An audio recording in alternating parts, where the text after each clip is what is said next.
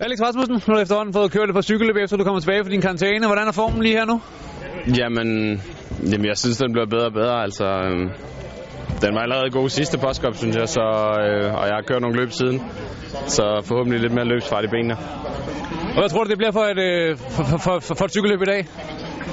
Jamen altså, det bliver øh, noget taktisk øh, mellem kontinentalholdene, ligesom sidste postkop, tror jeg. Øhm, men, øh, men jeg håber på, at der kommer lidt mere vind, end der er lige nu, hvis det skal blive sådan rigtig hårdt, for ellers så, så tror jeg, der går for meget taktik i den. Jeg håber, at det kan blive en, en eller anden form for udskillingsløb, selvom det ikke ser sådan ud lige nu, at, øh, hvor det bliver hårdt, og der bliver skilt nogen fra, sådan at øh, holdene ikke har så meget at spille med ud med til allersidst, og så, øh, og så må jeg jo køre alt ind, hvis jeg kommer ind på de små omgange. Og er der nogen, der kan der, hvis det bliver en, øh, en samlet spurt? Det tror jeg ikke, men øh, nu må vi se.